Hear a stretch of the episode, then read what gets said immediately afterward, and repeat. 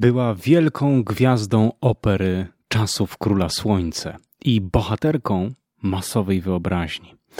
Równie dobrze władała swoim niskim głosem, nazywanym bass dessus, a który dzisiaj nazwalibyśmy pewnie kontraltem, co szpadą, którą potrafiła w jednym pojedynku położyć trzech mężczyzn. Wychowana w królewskich stajniach, wspięła się na sam szczyt, a jej zbrodnie oraz głośne romanse, także te z kobietami, aż dwukrotnie wybaczał jej sam Ludwik XIV, choć miała na swoim koncie nawet podpalenie klasztoru w Awinionie, gdy chciała wyciągnąć stamtąd swoją nieletnią kochankę. Jednak nie tylko o skandal tu chodzi. La Maupin, bo pod takim pseudonimem znała Julie d'Aubigny, publiczność operowa Paryża, uczestniczyła w początkach tego nowego, rewolucyjnego gatunku muzycznego we Francji, gatunku, którym była opera. Kompozytorzy pisali dla niej rolę. Na jej popularności budowali swoją operową sławę. To dla niej André Campra skomponował bodaj najsłynniejsze swoje dzieło, czyli Tancreda, który nie schodził z afisza przez ponad pół wieku, długo po śmierci swojego twórcy. Kim była La Maupin, śpiewaczka ze szpadą w ręku? O tym opowiem w 98 odcinku Szafy Melomana, pierwszego polskiego podcastu o muzyce klasycznej. Przy mikrofonie Mateusz Ciupka zapraszam bardzo serdecznie.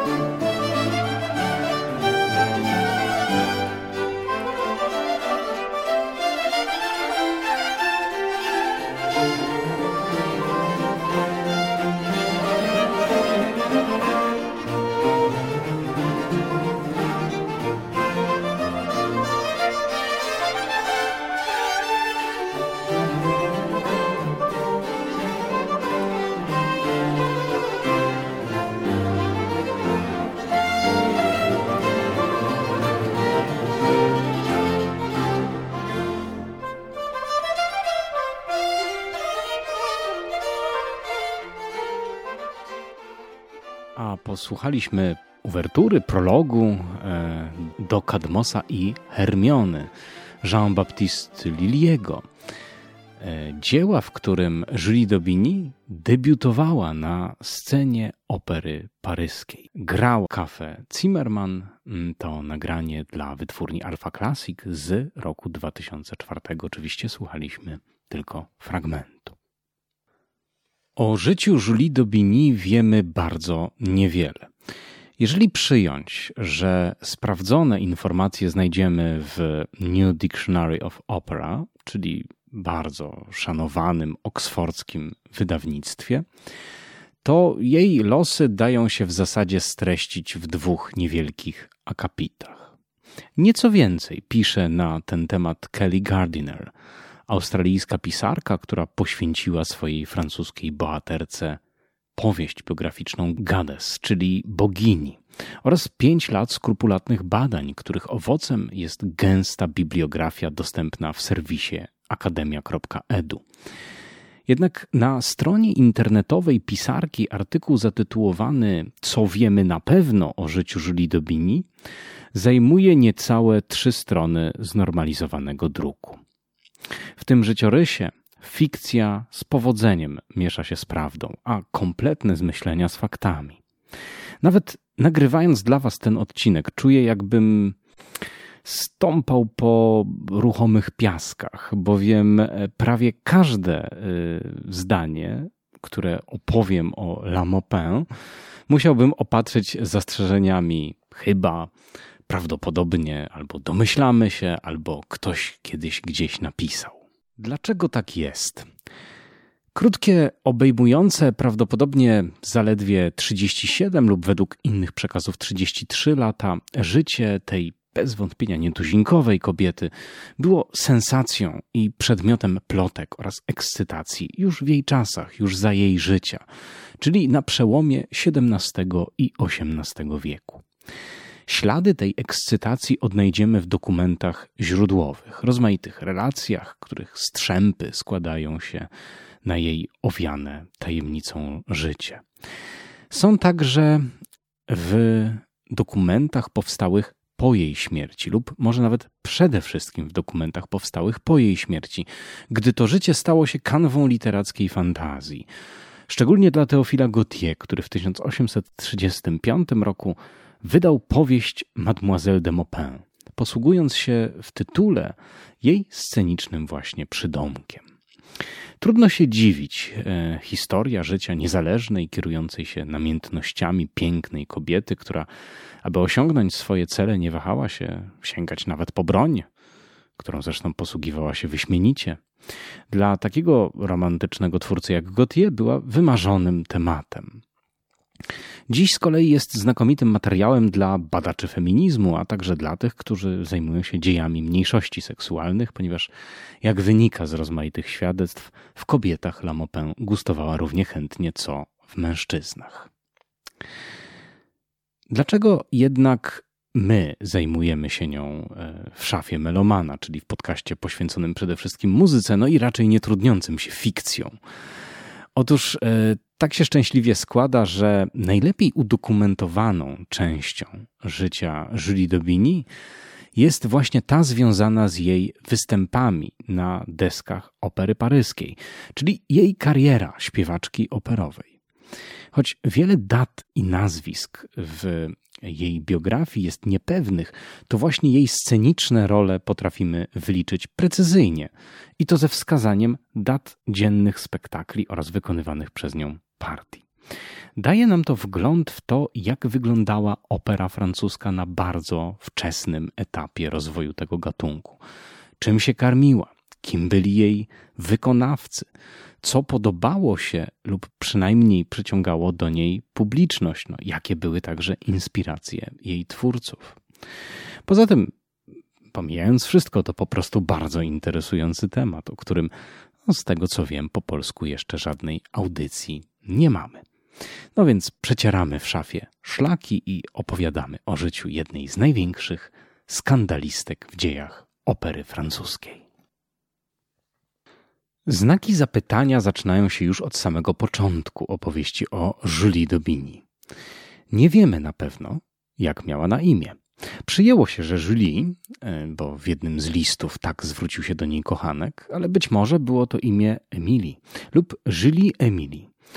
O nazwisku wiemy, ponieważ była córką Gastona Dobini, który był sekretarzem wielkiego koniuszego króla Słońca, Ludwika XIV, który również nosił e, imię Ludwik, był hrabią d'Armagnac, należącym do bliskiego kręgu królewskiego dworu, mającego w swojej pieczy królewskie konie i wielki, prestiżowy bardzo kompleks stajni.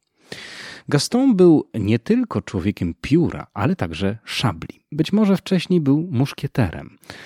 W każdym razie w stajniach i na lekcjach fechtunku, a także w gospodzie spędzał większość swojego czasu. Wiedząc, że los kobiet w tamtych czasach był niełatwy, postanowił córkę wychować na chłopaka. Nie tylko zapewnił jej solidne wykształcenie o charakterze akademickim, które było przede wszystkim zarezerwowane dla mężczyzn, ale także zaczął uczyć ją fechtunku. Dziewczyna wychowująca się w męskim otoczeniu prędko zaczęła w tym zakresie wykazywać talent i chętnie ćwiczyła z młodzieńcami, nieraz spuszczając im tęgie lanie. Przy tym patrzyła na męski sposób bycia, obserwowała męskie zachowania i prędko zrozumiała, że jeśli ma żyć i przeżyć to życie na swoich warunkach, musi być jak mężczyzna. W swojej ćwiczeniowej grupie stała się prędko najlepszym szermierzem. W tym też czasie musiała poznać zasady dworskiej etykiety i zaobserwować stosunki panujące na dworze. Miała prawdopodobnie 13 lat, gdy cały dwór Ludwika przeniósł się do nowego, oszałamiającego kompleksu pałacowego w Wersalu. Tam też nawiązała pierwszy romans. Miała może ledwie 14 lub 15 lat, gdy mm, związała się z hrabią Darmaniak, przełożonym swojego ojca. Nie wiemy, z czyjej inicjatywy do tego doszło, ale romans ten trwał trochę i w późniejszym czasie Darmaniak przysłużył się dziewczynie. Trudno jednak uznać tę relację za w jakikolwiek sposób szczęśliwą czy przyszłościową. Na pewno hrabia chciał mieć bardzo swoją młodą kochankę blisko, ponieważ gdy w wieku 17 lat straciła ona ojca, swojego obrońcę, hrabia wydał ją za urzędnika niższego szczebla, pana Jeana de Maupin, będącego poborcą podatków. E, I na drugi dzień już po ceremonii ślubnej wyprawił go gdzieś na prowincję, a sam kontynuował znajomość z Julie. Zrobił tak prawdopodobnie dlatego, aby kupić sobie czas i spokój. Skoro była mężatką, to nikt nie mógł się o nią starać. Jednocześnie nie chcąc i nie mogąc y, jej samemu poślubić, bo miał dobrze urodzoną małżonkę, z którą był od 1660 roku i z którą mieli bodaj już czternastkę dzieci. Był od Żuli poza tym o ponad 30 lat starszy. Nie wiemy, czy to jej ognisty temperament, czy niechęć do hrabiego ich w końcu rozdzieliły, kto tam bardziej chciał się rozstać. Dość jednak powiedzieć, że dziewczyna po uszy zakochała się w kimś ze swojego świata. Niejakim Seran, mistrzu fechtunku, urodzonym na prowincji, który dzięki swojemu talentowi i przedsiębiorczości zdobył posadę aż na dworze wersalskim. No i musiał być to bardzo płomienny romans, ponieważ oboje mieli e, bardzo wyrywny temperament. Do Seran przybywali liczni młodzi arystokraci owładnięci pragnieniem nauki fechtunku i brania udziału w pojedynkach. Był to owoc zakazany, ponieważ notorycznie odbywające się we Francji pojedynki sprawiły, że Ludwik XIV ich w końcu zakazał. Za pojedynkowanie się można było w najlepszym razie stracić majątek albo jego część, tytuł szlachecki, jeśli się oczywiście było arystokratą, a w najgorszym wypadku zostać wygnanym lub nawet straconym. Tak radykalne podejście u części młodych ludzi, radykalne podejście prawa do kwestii pojedynków, tylko rozbudzało apetyty, a Seran był wybornym nauczycielem i sam e, chętnie stawał w szranki, nie bacząc na królewski zakaz. Miał go tak bardzo w poważaniu, że w końcu po jednym z pojedynków dobrał mu się do skóry Nicolas Gabriel de la generał francuskiej policji, uznawany dzisiaj za twórcę tej właśnie formacji mundurowej.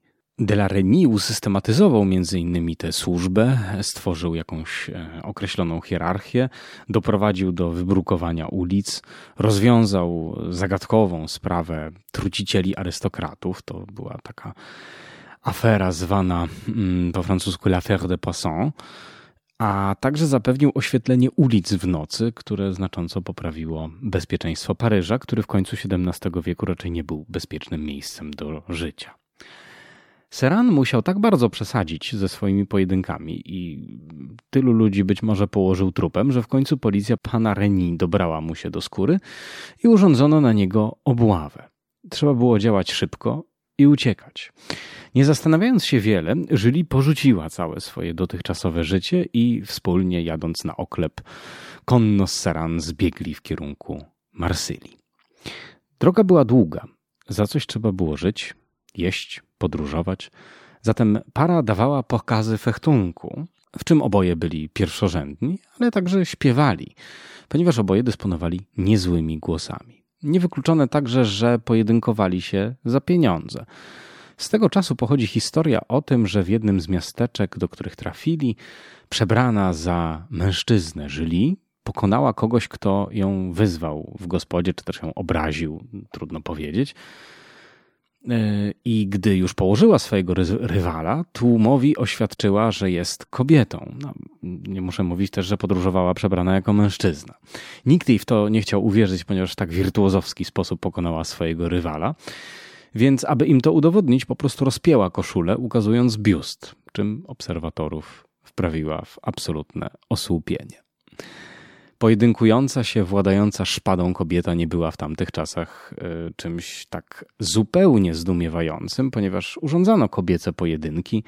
E, ludzie znali także taki obrazek z desek teatralnych, ale kobieta, która na równych prawach e, staje naprzeciwko mężczyzny, a jeszcze w dodatku go pokonuje, to już było zdecydowanie za wiele.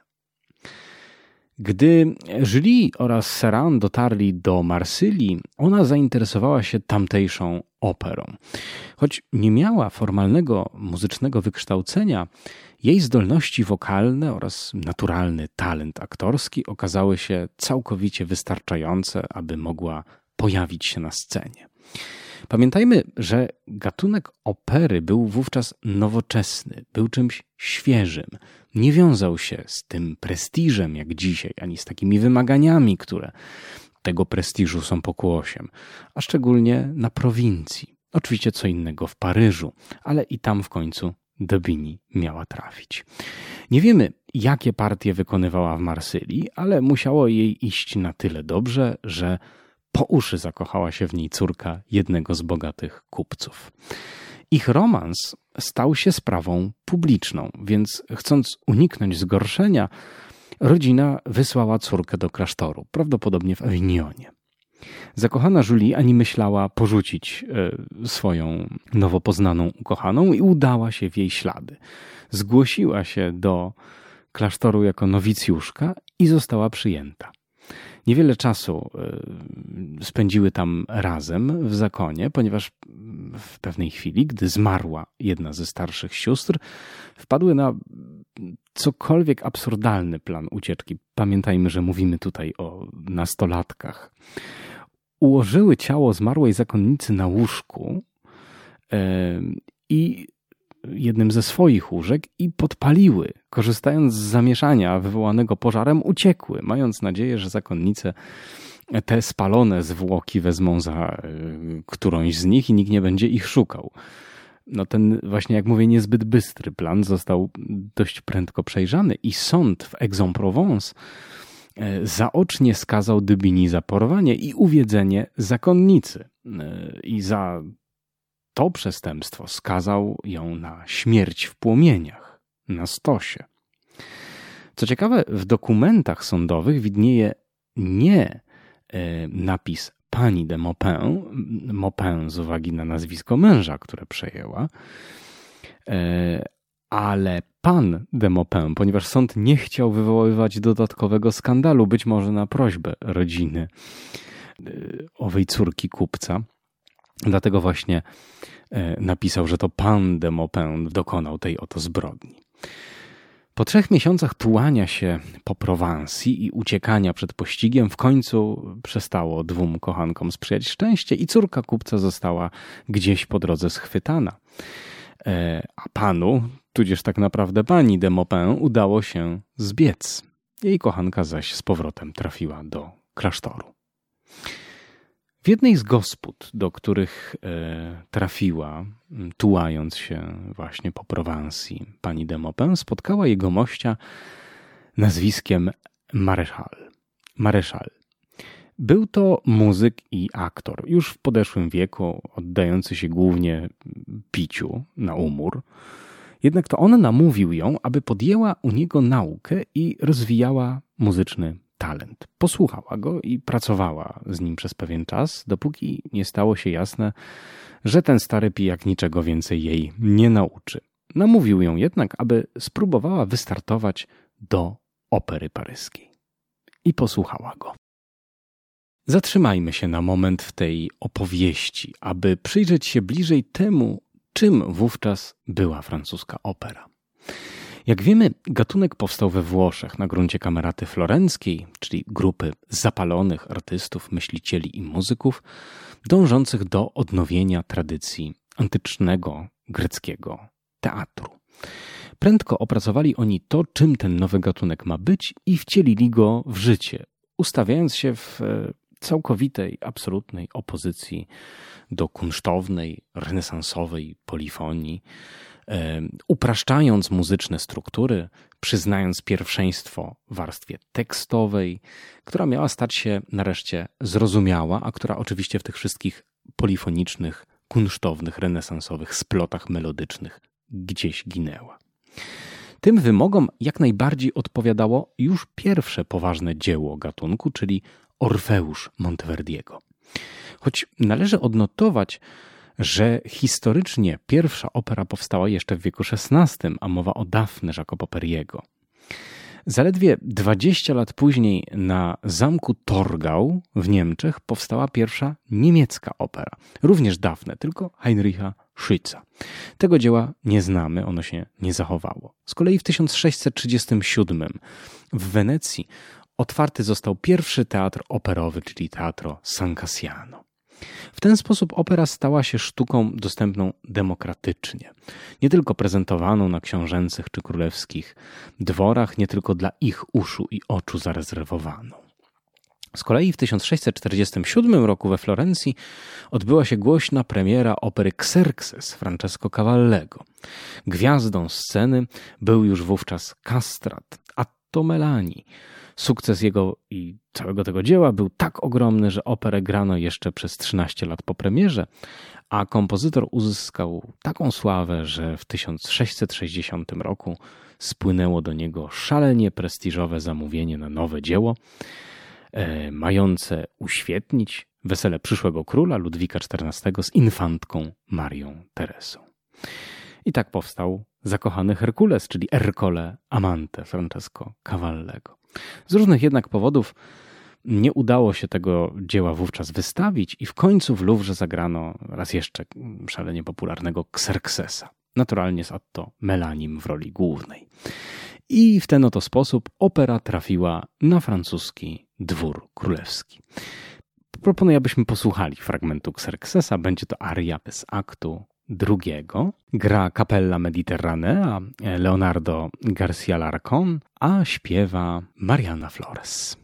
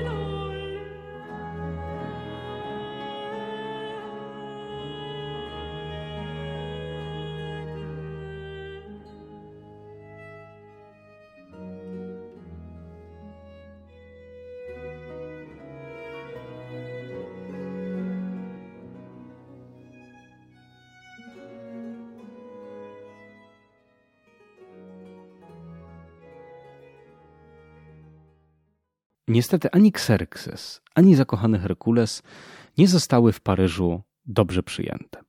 Import z Włoch się nie powiódł, ponieważ gatunek, jak i kompozytor kojarzyli się z wysoce niepopularną w tamtym czasie szarą eminencją dworu francuskiego, czyli kardynałem Mazarin, który był Włochem z pochodzenia. Jednak jeżeli nie chciało się całkowicie odrzucić pomysłu teatru muzycznego, trzeba było opracować coś własnego, rdzennie francuskiego. I za to o ironię zabrał się pochodzący z Włoch kompozytor nadworny Ludwika XIV, Jean-Baptiste Lully.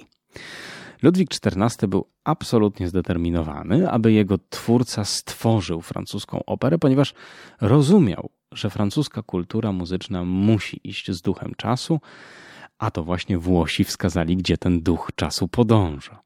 Ludwik XIV dał Liliemu przywileje, warunki, zapewnił mu monopol, tylko jego opery mogły być grane na francuskim dworze i powiedział: działaj. Lili był właściwym człowiekiem na właściwym miejscu. Miał już w swoim e, dorobku muzykę pisaną do komedii ballet, czyli krótkich scenek, które pojawiały się w przerwach e, sztuk dramatycznych, głównie sztuk Molière. Aby jednak powstała opera, potrzeba było libretta. Naturalnym kandydatem mógł być tutaj Molière. Ale pomimo wieloletniej współpracy oni się z Lilim za bardzo nie lubili. Po drugie, dość prędko Molière zmarł. W zasadzie dokładnie w tym samym roku, gdy została zaprezentowana w pełni francuska pierwsza oryginalna opera, a był nią Kadmos i Hermiona. Nastąpiło to 25 kwietnia 1673 roku. Autorem libretta był Philippe Kino. Y, a całość nie nazwała się oczywiście operą, tylko z francuska Tragédie en musique. Był to godny króla słońce spektakl. Duże, poważne, pięcioaktowe dzieło z ariami, recytatywami, fragmentami charakterystycznymi tylko dla francuskiej odmiany, czyli divertissement, gdzie pojawiał się balet ukochany przez Francuzów taniec oraz oczywiście monumentalne chóry. Całość poprzedzał zaś uroczysty prolog, wzięty e, oczywiście od Włochów, ale sławiący przewagi Ludwika XIV. Tak wielka skala tego operowego przedsięwzięcia sprawiła, że mm, opera stała się wielkim wirem, w który wpadali, który zaciągał artystów niemal wszystkich dziedzin. Ponieważ król nie szczędził ani pieniędzy, ani jakości, wszystko musiało być na jak najwyższym poziomie. Scenografia, kostiumy, choreografia, technika, mechanika sceny a do każdej z tych dziedzin zatrudniano najlepszego w swojej klasie fachowca. Tak, w tym sensie opery prezentowane w Paryżu były jak najbardziej elitarnym przedsięwzięciem i miały najwyższy możliwy wówczas poziom. Śmiało można powiedzieć, że w Europie drugiej połowy XVII wieku zapanowała operowa gorączka. Z Włoch i Francji gatunek zaczął być przyjmowany i adaptowany na różnych innych dworach opera stała się znakiem kulturalnego postępu kraju, w którym była obecna. Dowodem tego, że kultura w danym kraju jest nowoczesna. Była też zwyczajnie lubiana, ponieważ łączyła wiele dziedzin nauki, sztuki, miała szeroki wachlarz środków oddziaływania na publiczność. Nawet jeśli ktoś, kto powiedzmy nie był miłośnikiem literatury, a więc nie e, przychodził po to, aby poznać historię, e, i czy wsłuchiwać się w słowo. Może nie był e, miłośnikiem muzyki, aby podziwiać melodię, harmonię, a może nawet nie był miłośnikiem teatru, aby śledzić taniec, ruchy, gesty, wcielanie się w rolę, to ostatecznie zawsze mógł się zachwycić teatralną maszynerią. Adam Jastrzębski, muzyk i kronikarz króla Władysława IV w Polsce, w swoim słynnym dziele Gościniec albo krótkie opisanie Warszawy, zostawił nam taki oto opis operowej maszynerii na królewskim dworze. Tam kunszty podnoszą się i schodzą w dół. Inne śrubami w rozmaite poruszają się strony. Raz ukazują ciemność z chmurami znów przyjemną światłość z gwiazdami i planetami. Tam ujrzysz piekło i niebo burzliwe. Żeglują po nim łodzie, a syreny wypływające ślicznie śpiewają. tu persony spuszczające się z nieba, a inne wychodzą z ziemi. Raptem otwiera się drzewo, wyskakuje z niego osoba, cała w klejnotach, z utrafionym włosem i śpiewa jak anioł.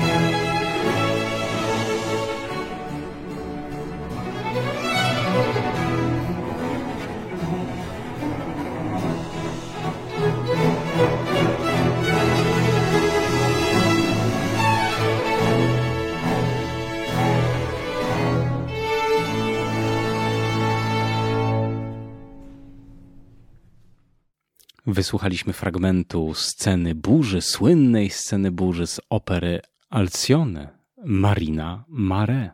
To nagranie live grała Philadelphia Baroque Orchestra. Nagranie pochodzi z 2008 roku, to scena z aktu czwartego.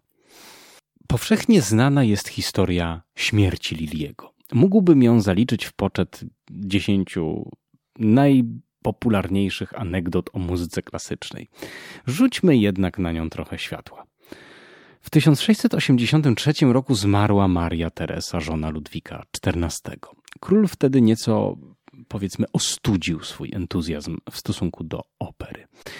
Na dodatek jego nadworny kompozytor e, Lili popadł w niełaskę, ponieważ nowa małżonka władcy, początkowo jego kochanka, niejaka Madame de Maintenon, bardzo nie akceptowała homoseksualizmu, a Lili był gejem, e, słynącym na dodatek z głośnych romansów i udziału w orgiach organizowanych przez jednego z e, dworzan.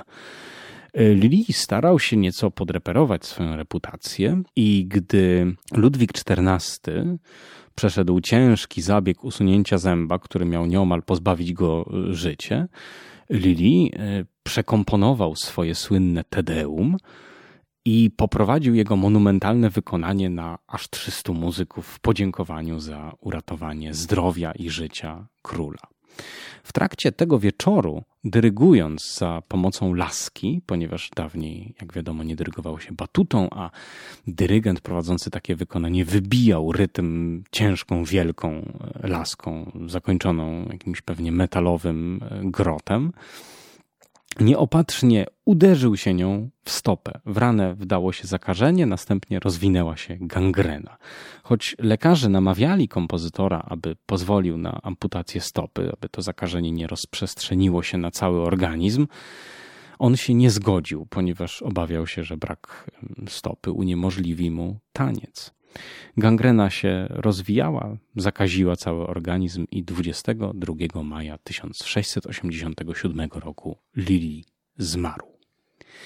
Po jego śmierci Francja musiała trochę poczekać na kolejnego wielkiego operowego twórcę, którym miał dopiero być Jean-Philippe Rameau.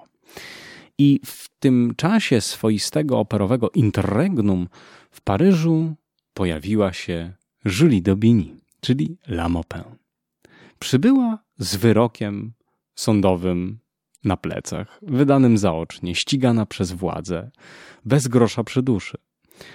Pierwsze kroki skierowała do swojego dawnego kochanka, wpływowego hrabiego de Armagnac.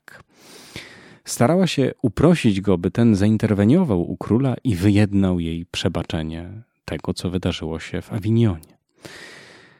Hrabia jej pomógł, Hrabia jej pomógł, ale nie tylko on, bowiem do Paryża e, Julie d'Aubigny La nie przybyła sama. Miała już kolejnego kochanka, którym był bardzo zdolny baryton Gabriel Vincent Thévenard. To właśnie on udał się bezzwłocznie zaoferować swój talent operze paryskiej, ponieważ śpiewał znakomicie, przyjęty został od razu i z entuzjazmem. I widząc to entuzjastyczne przyjęcie, od razu z marszu postawił warunek, że jak najbardziej dołączy do trupy śpiewaków, ale do zespołu, ale pani de Maupin musi również zostać zatrudniona. No i ta podwójna presja, podwójna interwencja z jednej strony hrabiego Darmaniak u króla o wybaczenie oraz z drugiej strony zespołu opery paryskiej, który chcąc zatrudnić Tavenarna, musiał jednocześnie zatrudnić La przyniosła dobry efekt. Król postanowił swojego wybaczenia udzielić, a opera zgodziła się warunek przyjąć i w ten oto sposób, mając zaledwie 20 lat, Julie Daubigny zadebiutowała na deskach najważniejszej francuskiej sceny operowej tamtych czasów. Pierwszą rolą, którą e, zaśpiewała, była Pallas Athena we wznowieniu ikonicznej opery Liliego, czyli właśnie Kadmosa i Hermiony. Niemal natychmiastowo La Maupin stała się konkurencją dla gwiazdy tej sceny, czyli sopranistki Marie La Rochua, która była główną wykonawczynią najważniejszych ról w operach Liliego. Była też y, całkowitym przeciwieństwem La Maupin, La Rochua swoją reputację zbudowała przede wszystkim na artystycznych y, zdolnościach, na niebywałej technice i na y, triumfach w nowych dziełach nadwornego kompozytora. No tymczasem La Maupin, jak ją nazywała publiczność właśnie, paryską sławę osiągnęła skandalem, ponieważ sensacyjne i niestworzone historie o jej o wojującej śpiewaczce, doskonale posługującej się bronią białą, obiegły prędko Paryż i rozchodziły się jak świeże bułeczki i w końcu zaczęły także przyciągać do teatru kolejnych widzów. Miała też La niezwykłą urodę.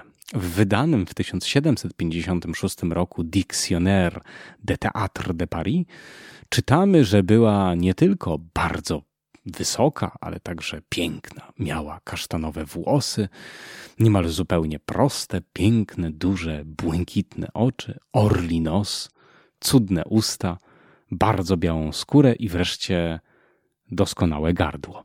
Cokolwiek to znaczy i cokolwiek autor tego dictionnaire, czyli Claude Parfait miał na myśli, nie mam pojęcia.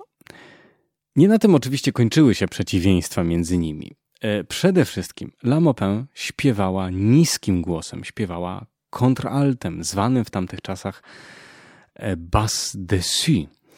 E, tego oczywiście nie możemy być pewni, ale w źródłach czytamy, że jej rejestr nazywał się właśnie bas dessus, co może oznaczać niski sopran. Dzisiaj powiedzielibyśmy być może mezzo-sopran, a może coś jeszcze niższego.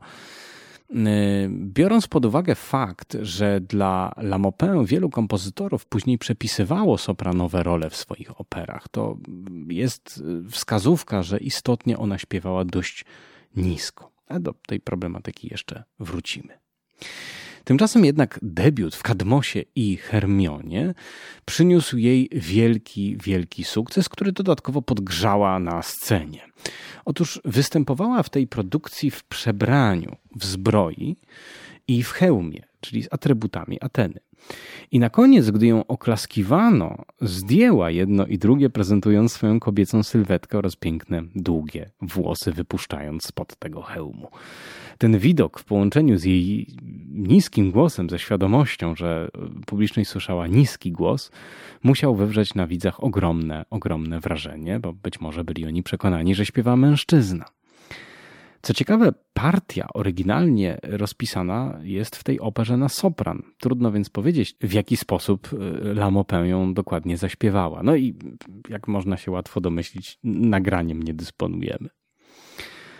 Po debiucie w Kadmosie i Hermionie przyszedł czas na kolejną rolę, tym razem w operze Henri Desmarais. Była to bardzo ciekawa postać. Kompozytor, który miał wielką ambicję zagrozić pozycji Liliego i gdyby nie ten monopol, który Ludwik XIV dał Liliemu na prezentowanie swoich oper w Akademii Royale de Musique, to pewnie by mu się to udało, ponieważ jego dziełami zachwycali się wszyscy. Lili jednak zmarł w 1687 i droga była wolna, można było grać przed królem. W 1693 zaprezentował Desmarais swoją operę Didon, w której Julie Daubigny wykonywała partię czarodziejki. Raptem rok po roku Desmarais prezentował jedno dzieło za drugim i pewnie stałby się niekwestionowanym władcą sceny, ale plany pokrzyżował jego głośny romans z własną uczennicą, której udzielał lekcji śpiewu. Oburzona rodzina, gdy zorientowała się, że osiemnastolatka jest w ciąży, chciała ją wysłać do zakonu. Ale Demare nawet sobie tego nie wyobrażał, że mu mogą odebrać ukochaną i to jeszcze z dzieckiem, w związku z czym ją porwał. Zabrał ją do Paryża, na co jej ojciec zareagował pozwem sądowym. Żeby było zabawniej, osobny pozew wystosowała wobec ojca matka dziewczyny, oskarżając go e, o próbę otrucia jej, po tym jak on oskarżył ją o współudział w porwaniu tej córki. Czasem myślę sobie, że skomplikowane libretta tych barokowych oper to jednak pisało samo życie, a niekoniecznie tylko i wyłącznie fantazje librecistów. Tak czy inaczej, Desmarais, mając na głowie sąd i policję, musiał wynieść się z Paryża, e, pozostawiając nieukończoną operę Ifigenia w Taurycie. Rozpoczęte dzieło nie zostało e, wrzucone do kosza ani schowane do szuflady. Operę dokończył André Campra. I to on stał się czołowym operowym kompozytorem okresu przejściowego pomiędzy Lilim a Rameau.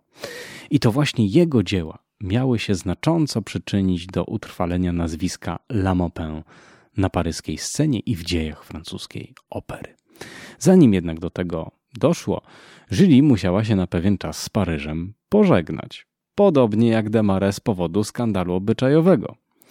Otóż pewnego razu na jednym z królewskich bali Lamopin pojawiła się w męskim przebraniu zwróciła uwagę na pewną piękną dworzankę, z którą zaczęła tańczyć. W pewnej chwili, w przypływie namiętności, pocałowała ją, co wywołało ogólne zgorszenie i prawdopodobnie także zazdrość u mężczyzn, którzy sami chcieli się o dziewczynę postarać. Mimo królewskiego zakazu, panowie wezwali Lamopę na pojedynek, który odbył się tego samego wieczora. Historię tego starcia opisuje w biografii Lamopin Cameron Rogers. E, ten barwny opis pochodzi z czasów dwudziestolecia międzywojennego i godzien jest powieści spod znaku płaszcza i szpady. Ostrza szczękały jedno o drugie, a obcasy pojedynkujących się głośno stukały, ostro przerywając nocną ciszę. Ciemność rozświetlało niewyraźne światło księżyca chowającego się za chmurami. Lamopin, raz za razem ścierając się z przeciwnikiem, w końcu powiedziała krótko i zdecydowanie: Mam już tego dosyć. Jej mistrzowska riposta szpadą położyła mężczyznę u jej stóp na kolana. Następny kogucik doskoczył do niej momentalnie, ale ta walka była krótka. Gdy księżyc wyjrzał spoza chmur, Przerywając ciemność, dostrzegła jego cień na ścianie i zawołała: Skoro cię już zobaczyłam, to możemy się pożegnać. I cięła go bezlitośnie przez ramię. Trzeci, w przeciwieństwie do dwóch poprzednich, walczył ostrożnie i spokojnie. Jednak nie wyłapał momentu, gdy Lamopin zrobiła zwód, po którym natychmiast nastąpiło pchnięcie.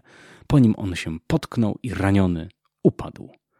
Zdziwiłabym się, gdyby poszło inaczej. Skwitowała Lamopin i wróciła na bal. Zaiste piękny jest ten opis. Oczywiście ten publiczny pojedynek ściągnął na jej głowę nieszczęście i gniew króla. Znów musiała uciekać i to w chwili, gdy jej kariera zaczęła się piąć w górę i zaczęła wzrastać, gdy była w drodze na szczyt. Podobnie jak Desmarais udała się do Brukseli. W mieście zaledwie kilka lat wcześniej stworzono pierwszy teatr operowy.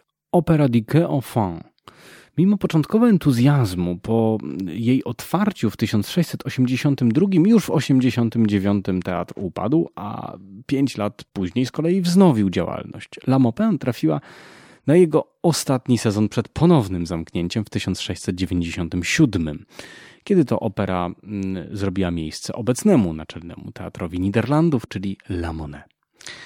W Brukseli prawdopodobnie właśnie po którymś z przedstawień poznała La Maupin Maksymiliana II Emanuela, będącego wówczas elektorem Bawarii. Pełnił on też funkcję namiestnika Niderlandów z ramienia Habsburgów. Prędko rozwinął się między nimi romans, choć Maksymilian miał wówczas żonę, a co ciekawe była nią Teresa Kunegunda Sobieska, córka Jana III Sobieskiego, z którą miał wówczas dwójkę albo bodaj nawet trójkę dzieci. Był to romans bardzo płomienny, tym bardziej, że Maksymilian Emanuel był zawołanym kobieciarzem, lecz i bardzo krótki. Po tym, jak La Maupin urządziła mu jakąś piekielną scenę zazdrości, jakąś koszmarną awanturę, a następnie e, dźgnęła się na scenie sztyletem, patrząc e, w jego stronę, no uznał, że to już po prostu dla niego zdecydowanie za dużo i postanowił z nią zerwać, oferując śpiewaczce zawrotną kwotę 40 tysięcy franków, aby dała mu spokój. Obrażona rzuciła te pieniądze pod nogi y, jego posła czy jakiegoś emisariusza, który y, z nimi przyszedł i postanowiła wrócić do Paryża.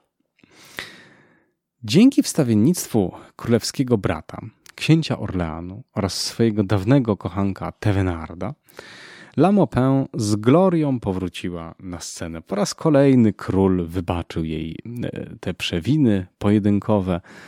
E, zresztą była już gwiazdą tak wielką, że układano o niej pieśni.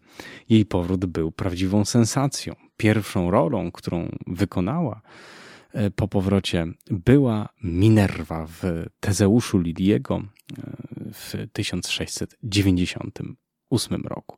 Warunki tego powrotu w ogóle były bardzo sprzyjające, ponieważ jej największa konkurentka, La Rochua, przeszła na sceniczną emeryturę. Droga do sławy stanęła otworem. Posłuchajmy fragmentu, krótkiego fragmentu tej opery, czyli Tezeusza e, Liliego.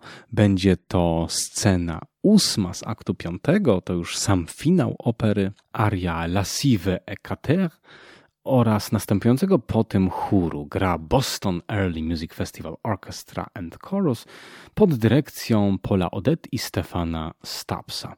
Nagranie to dla wytwórni CPO ukazało się w 2007 roku. Oczywiście słuchamy partii Minerwy, w którą znakomicie wcielała się Lamopę.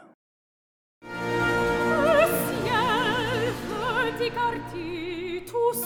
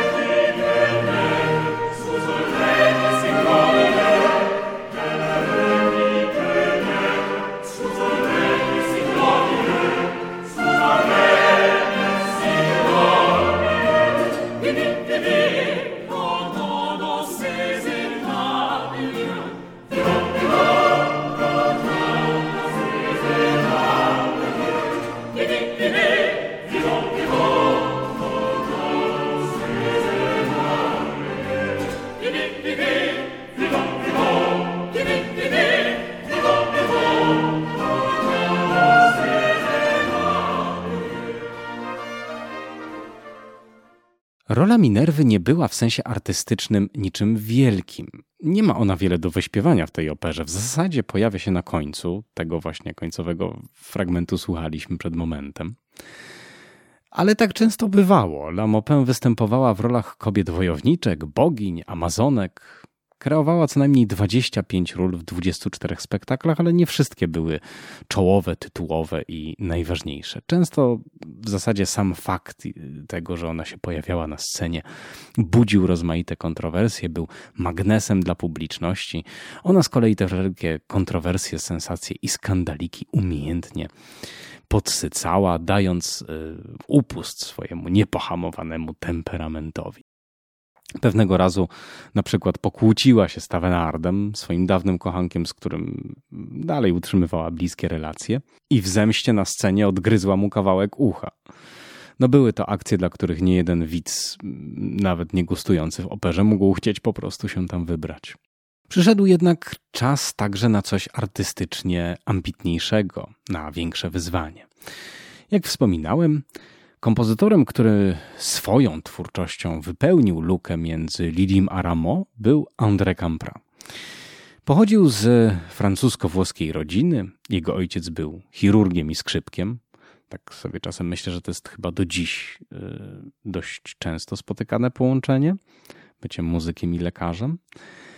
Y, chłopak zaczynał w chórach, a także mm, bez pozwolenia, nielegalnie w teatrach czym byłby sobie napytał biedy. E, ale uratował go talent i determinacja. Teatr kochał i miał duże z nim związane ambicje. Najpierw jednak musiał swoje odsłużyć w katedrach w Arles i w Toulouse, aż w końcu dostał się do Notre Dame. Do muzyki kościelnej wtrącał pewne elementy teatralne sekretnie pod nazwiskiem swojego brata pisał także dla teatru, bo przez kościelne władze byłoby to źle widziane. E, gdy jednak poczuł się odpowiednio mocny, porzucił kościelną posadę i poświęcił się teatrowi. Nastąpiło to w 1700 roku. La Maupin śpiewała w jego pierwszych operach prezentowanych otwarcie pod własnym nazwiskiem.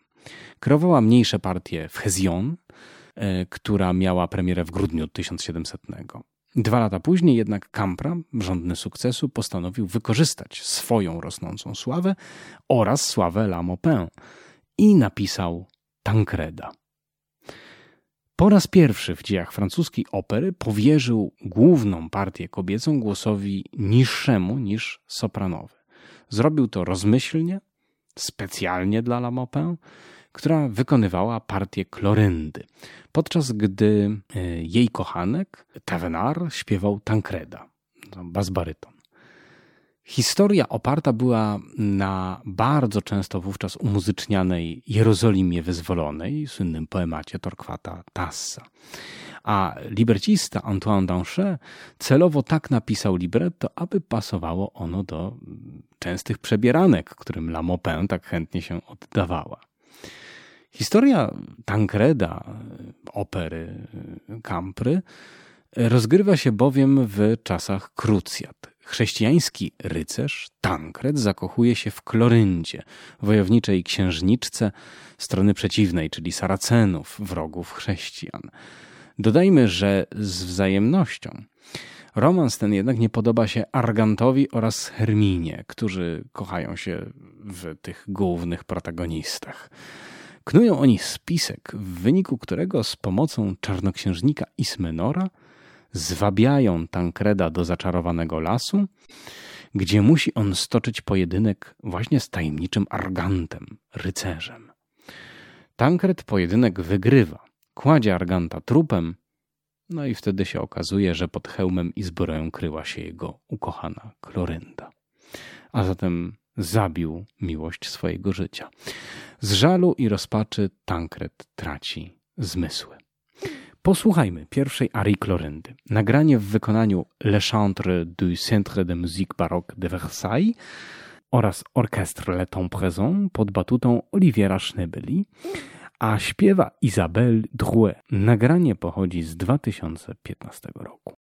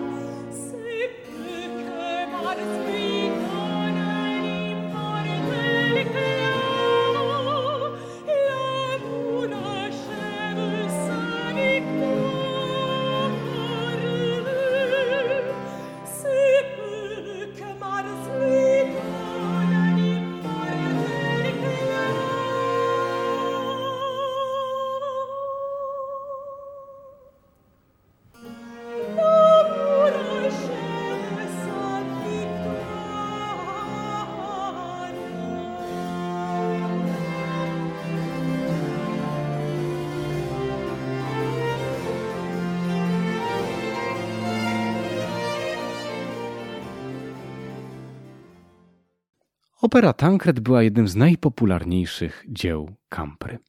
Jej premiera okazała się gigantycznym sukcesem. Publiczność paryska była już wówczas nieco znużona mitologicznymi tematami, a tu było sporo życia i namiętności. Na dodatek postarano się ze scenografią. Podobno ogromne wrażenie robił w szczególności ów zaczarowany las i jaskinie czarnoksiężnika Ismenora. No i duet głównych postaci. Kochankowie na scenie, kochankowie w życiu.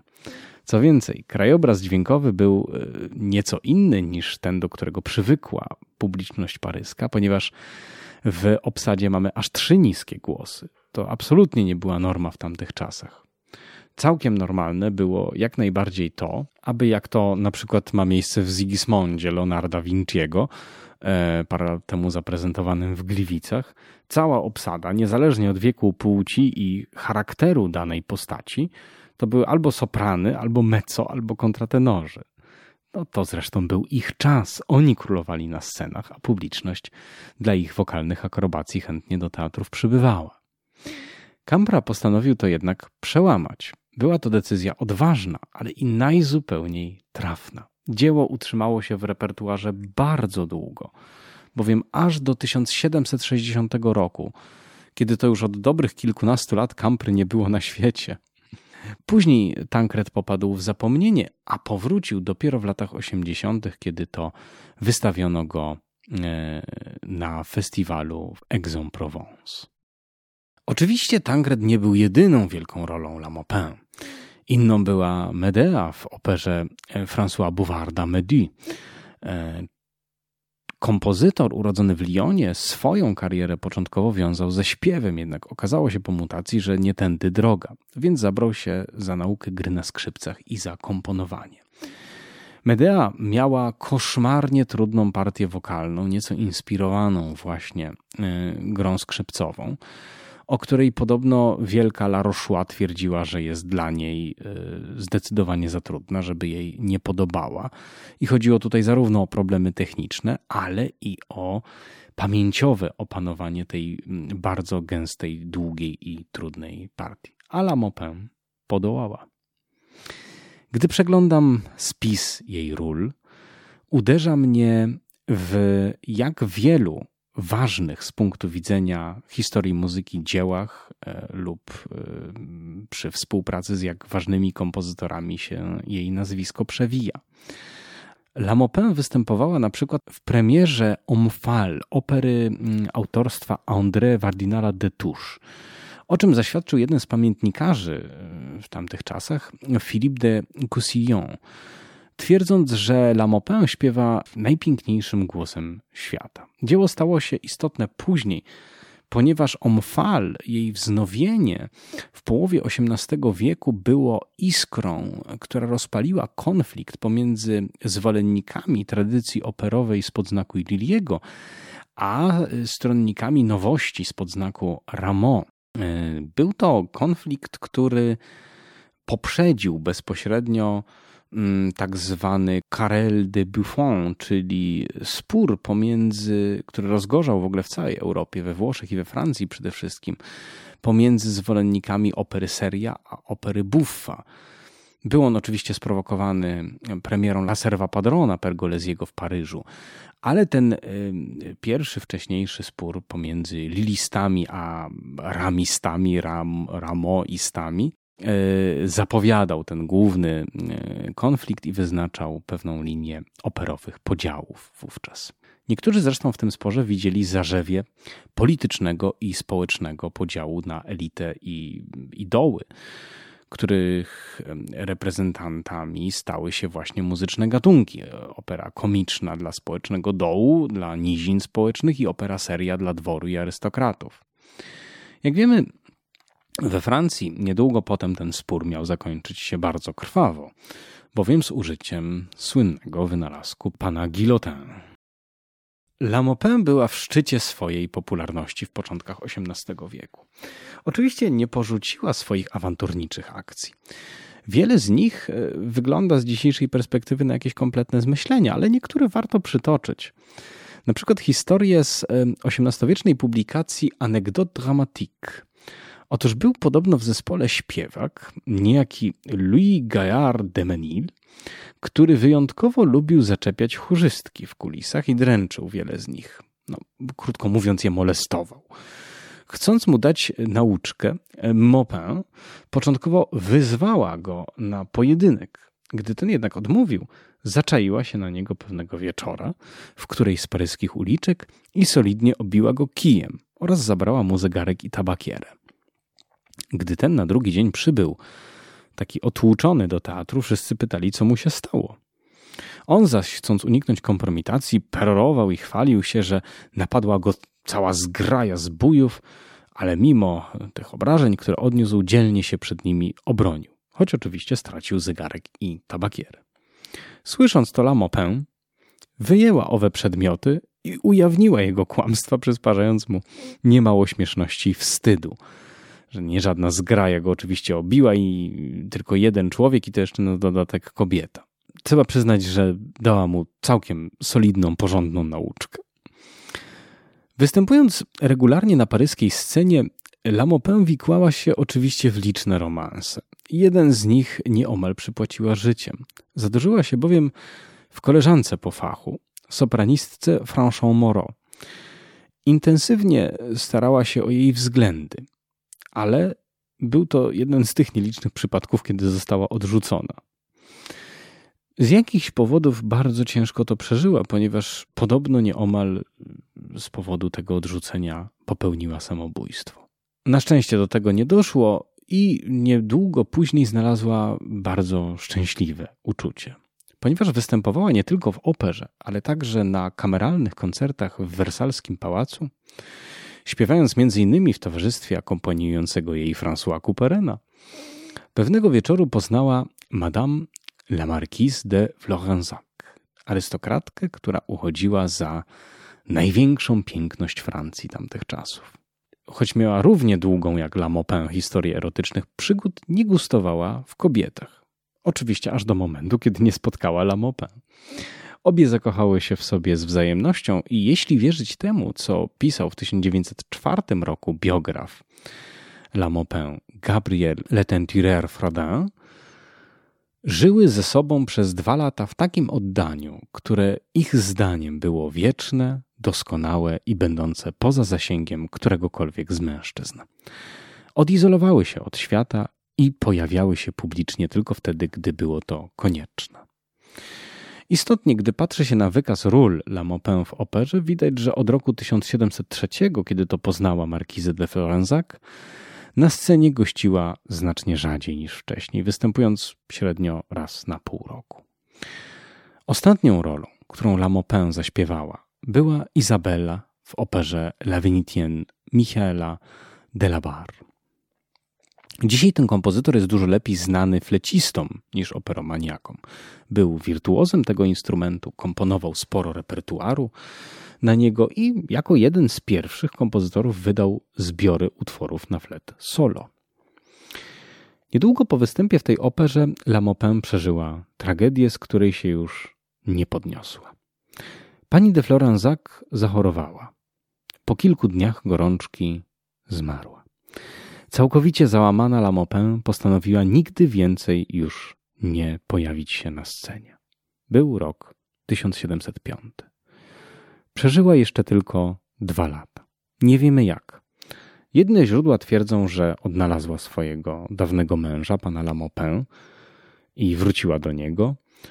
Inne, że udała się do klasztoru i tam spędziła ostatnie chwile swojego życia. Patrząc na jej wcześniejsze wybory i doświadczenia, ani jedna, ani druga wersja nie bardzo wydają się prawdopodobne, ale chyba mniej nieprawdopodobne wydaje się, że szukając e, spokoju i izolacji mogła wybrać klasztor.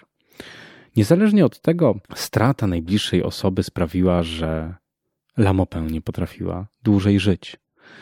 Zmarła w roku 1707. Według jednych przekazów mając 33, według innych 37 lat. Pamięć o niej nigdy tak naprawdę nie zaginęła. Jej nazwisko przewijało się w rozmaitych leksykonach i zbiorach operowych historii XVIII wieku, a w XIX wieku powieść poświęcił jej Teofil Gautier. Choć z jej życiem nie ma ona wiele wspólnego, była barwną literacką fantazją, która sprawiła, że o szermierzu w spódnicy, znakomitej śpiewaczce i skandalistce pamięta się do dziś. Myślę sobie, że losy La Maupin nadają się co najmniej na solidny, dobry serial. Francuska telewizja nawet y, taki zrealizowała w 2004 roku, ale domyślam się, że rozmachem nieco ustępuje on obecnym e, produkcjom platform streamingowych.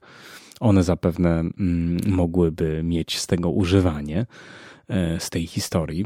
Pytanie oczywiście, czy mielibyśmy do czynienia z czymś interesującym, czy z czymś całkowicie przegiętym. Może w najbliższych latach się o tym przekonamy. Co o muzyce mówi nam historia La Maupin? Ano przede wszystkim to, że opera od samego początku swojego istnienia karmiła się sensacją. Jako sztuka sceniczna, efektowna, skandal miała wpisany w swoje DNA. Dla magdetycznego nazwiska warto było napisać dzieło, warto było zmieniać zastane obyczaje, jak zrobił to Kampra w Tankredzie. Wreszcie warto było zawierzyć talentowi i na człowieku budować coś, co miało być przełomowe. Kontrowersja, szok, zdziwienie. Tym karmiła się opera na początku swego istnienia, tym karmiła się sztuka baroku i w tym sensie La Maupin była dzieckiem swoich czasów, ale jednocześnie niespokojnym duchem, wiecznie poszukującym spełnienia, kobietą pełną życia, niezważającą na społeczne konwenanse, szalenie odważną. Czy w granicach dobrego smaku tego się nie dowiemy nigdy, a z tego co wiemy, każdy musi wyciągnąć samemu swoje wnioski. Na tym kończę moją opowieść o Julie Daubigny, czyli La Maupin. Dziękuję Wam bardzo serdecznie, że tej opowieści wysłuchaliście. To już ostatni odcinek szafy przed urlopem, bowiem udaje się na mały wakacyjny wypoczynek. Nie usłyszymy się przez dwa najbliższe piątki. Szafa powróci 11 sierpnia. Jak zwykle temat tego następnego 99 już odcinka niech pozostanie dla Was niespodzianką. Zanim się dzisiaj pożegnamy, chciałbym, abyśmy posłuchali jeszcze fragmentu Armidy Jean-Baptiste Lully'ego. Była to ostatnia wielka opera, w której tytułową rolę wykreowała La Maupin, zanim wspólnie z markizą de Florenzac zaczęła wycofywać ze świata i występować coraz rzadziej. Będzie to aria z piątego aktu. To już sam finał. Gra La Chapelle Royale w tytułowej roli Guillemette Laurent, a całość prowadzi Philippe Reveche. Płyta wydana nakładem Harmonia Mundi ukazała się w 1993 roku. A ja mówię Wam do usłyszenia 11 sierpnia.